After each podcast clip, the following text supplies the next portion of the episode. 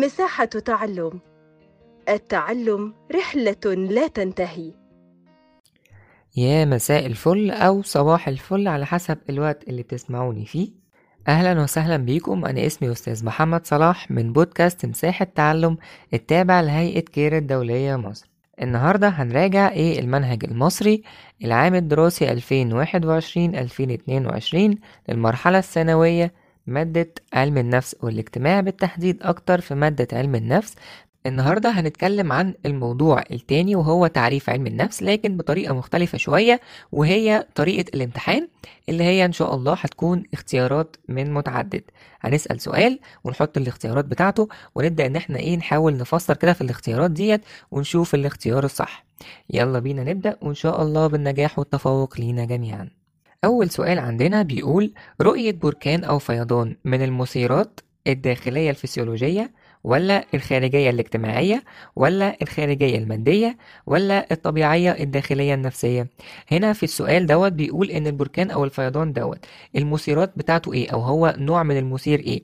لا نيجي ناخد أول اختيار الداخلية الفسيولوجية. هل هو مثير داخلي؟ أكيد لأ. طيب هل هو خارجي اجتماعي؟ اجتماعي يعني في بشر وفي تفاعل في البشر؟ أكيد. لأ برضو هل هو طبيعي داخلي نفسي؟ الحقيقة لأ هو برضو مش داخلي خالص. يبقى كده عندنا الإجابة الصح هنا إن بركان أو فيضان من المثيرات الخارجية المادية. هي دي الإجابة الصح. السؤال رقم اتنين بيقول يقصد به الدراسة العلمية للسلوك الإنساني والحيواني. تعالوا نشوف الاختيارات بتقول إيه. أول اختيار عندنا بيقول علم النفس. تاني اختيار بيقول علم الاجتماع تالت اختيار بيقول علم التاريخ رابع اختيار بيقول علم السياسة. أيوة مظبوط هو علم النفس ده الاختيار الصح. علم النفس يقصد به الدراسة العلمية للسلوك الإنساني والحيواني. ندخل على السؤال رقم 3 بيقول تناول الطعام استجابة لدافع الجوع. سلوك مثير استجابة الدراسة العلمية. طيب تناول الطعام دوت استجابة لدافع الجوع. هل ده يعتبر سلوك ولا يعتبر مثير ولا يعتبر استجابة ولا يعتبر دراسة علمية؟ لا هي بالظبط تعتبر استجابة لأن ده في دافع اللي هو دافع الجوع وهو ده المثير الداخلي اللي هو دافع الجوع والاستجابة بتاعته هو تناول الطعام. برافو عليكم. ندخل على السؤال رقم أربعة والسؤال رقم أربعة بيقول يفيد نقط في تقليل الفارق بين الطاقات البشرية. هل هو التنبؤ بالسلوك ولا ضبط السلوك ولا فهم وتفسير السلوك؟ تعالوا نعيد تاني. يفيد نقط في تقليل الفارق من الطاقات البشرية. أيوة مظبوط. يفيد ضبط السلوك من ضمن الاختيارات ضبط السلوك في تقليل الفارق من الطاقات البشرية. معنى إيه الجملة دي؟ معناه إن ضبط السلوك دوت بيساعدنا في إن إحنا نقلل الفروق بين البشر. مظبوط. ندخل على السؤال اللي بعده. تؤثر على الإنسان من الخارج. هل هي المثيرات الداخلية أم المثيرات الخارجية أم السلوك؟ برافو. المثيرات الخارجية هي اللي بتؤثر على الإنسان من الخارج. ندخل على السؤال اللي بعده اللي بيقول قد يكون دافع ركوب السيارة كسلوك هو الذهاب للمدرسة الخروج لنزهة هذا يدل على التنبؤ بالسلوك ولا ضبط السلوك ولا فهم وتفسير السلوك؟ يعني مثلا لو حد راكب العربية علشان رايح المدرسة دوت معناه إن إحنا بنتنبأ بسلوكه ولا بنضبط سلوكه ولا بنفهم ونفسر سلوكه؟ مظبوط فعلا الاختيار الأخير وهو فهم وتفسير السلوك. السؤال اللي بعد كده بيقول لو أن سلوك طالب ما يتسم والذكاء المرتفع فنتوقع لهذا الطالب مستقبل مبهر. دوت معناه تنبؤ بالسلوك ولا ضبط السلوك ولا فهم وتفسير السلوك؟ تاني لو أن سلوك طالب ما يتسم بالذكاء المرتفع فنتوقع لهذا الطالب مستقبل مبهر. ده إيه؟ بالظبط ده اسمه التنبؤ بالسلوك. إن إحنا حاجة عندنا دلوقتي موجودة بنبدأ إن إحنا نتنبأ ليها في المستقبل. السؤال بقى اللي بعده بيقول استعداد ذو وجهين وجه داخلي محرك ووجه خارجي هو الغاية أو الهدف الذي يتجه إليه السلوك. تشير العبارة لمفهوم أول حاجة الاستجابة تاني حاجة المثير تالت حاجة السلوك رابع حاجة الدوافع. تعالوا كده إيه نراجع تاني بنقول استعداد ذو وجهين له وجه داخلي ووجه خارجي. وجه داخلي وخارجي وشفنا في الاختيارات أو سمعنا كده استجابة ومثير وسلوك ودافع لقينا بنفتكر إن فعلا المثير هو اللي ليه مثير داخلي وليه مثير خارجي يبقى كده فعلا الاختيار هيكون المثير. هو المثير استعداد ذو وجهين وجه داخلي محرك ووجه خارجي هو الغاية أو الهدف الذي يتجه إليه السلوك. مظبوط. برافو. تعالوا ندخل على السؤال اللي بعده. والسؤال بيقول قام موظف العلاقات العامة بجمع معلومات عن العملاء الذين يقدم لهم الخدمات المنوط بها حتى يسهل التعامل معهم.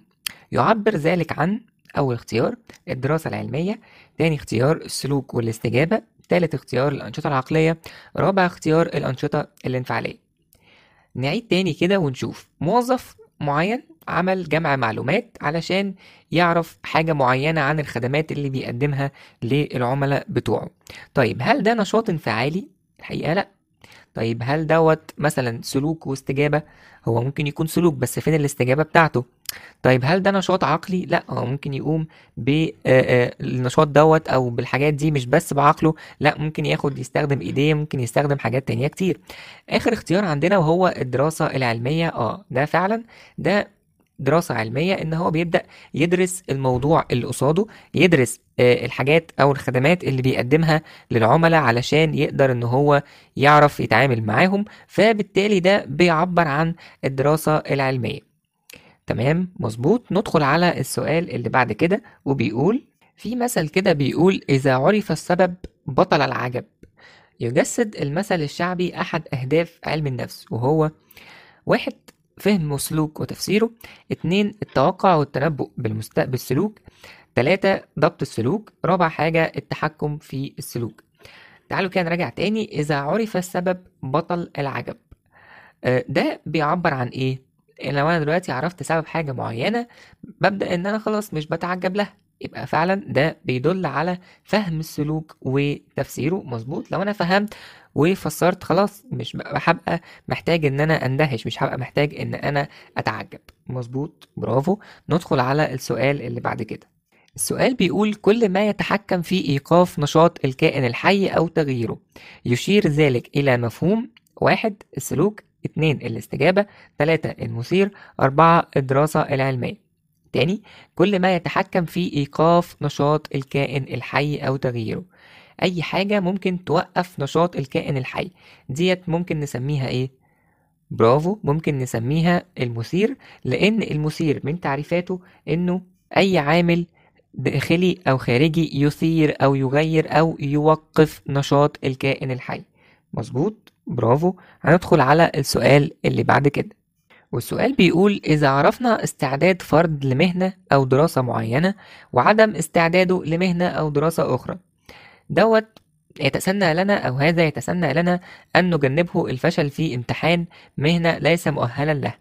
يعد هذا من وصف السلوك ولا توقع السلوك والتنبؤ به ولا فهم السلوك وتفسيره ولا ضبط السلوك. ناخده واحدة واحدة كده. لو إحنا عندنا حد بياخد مهنة معينة أو بياخد دراسة معينة وعرفنا إيه إن هو بي يعني ناجح في حاجة ومش ناجح في حاجة. فده يخلينا ما ندخلهوش في الحاجة اللي بيفشل فيها وندخله في الحاجة اللي بينجح فيها. يبقى ده اسمه إيه؟ برافو إحنا كده بنضبط السلوك بتاعه. يبقى عندنا الاختيار بتاع ضبط السلوك. هندخل على السؤال اللي بعد كده. القسوة تؤدي إلى الاضطراب النفسي. تعبر هذه العبارة عن ضبط السلوك التحكم في السلوك توقع السلوك والتنبؤ به ولا كل ما سبق؟ تعالوا ناخدها تاني واحدة واحدة. القسوة تؤدي إلى الاضطراب النفسي. يعني معنى كده إن القسوة بتأدي أو بتعمل بعد كده اضطراب نفسي. ده اسمه إيه؟ ده اسمه فعلا ده اسمه توقع السلوك والتنبؤ بيه. مظبوط جدا. تعالوا بقى نركز في السؤال ده وهو السؤال المهم ونختم بيه الريكورد دوت والفصل ده. بيقول لاحظ الأخصائي الاجتماعي في المدرسة اتجاه أحد الطلاب للسلوك العدواني. يعني الأخصائي الاجتماعي دلوقتي بدأ يشوف حد من الطلاب عنده سلوك عدواني كده. فأخذ يبحث عن أسباب ذلك وتوصل إلى كيفية تعديل هذا السلوك.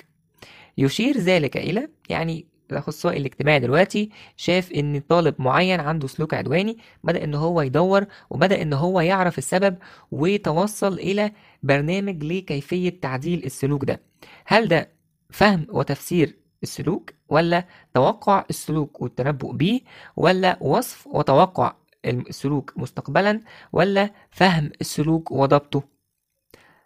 نركز تاني. إن هو دلوقتي شاف إن طالب عنده سلوك عدواني وبعد كده بدأ إن هو يشوف الأسباب بعد كده بدأ إن هو يحط برنامج لتعديل السلوك. يبقى فعلا ده إنه فهم السلوك وبدأ إن هو يضبطه يبقى الاختيار الأخير اللي هو فهم السلوك وضبطه وهو السلوك الصح أو هو الاختيار الصح.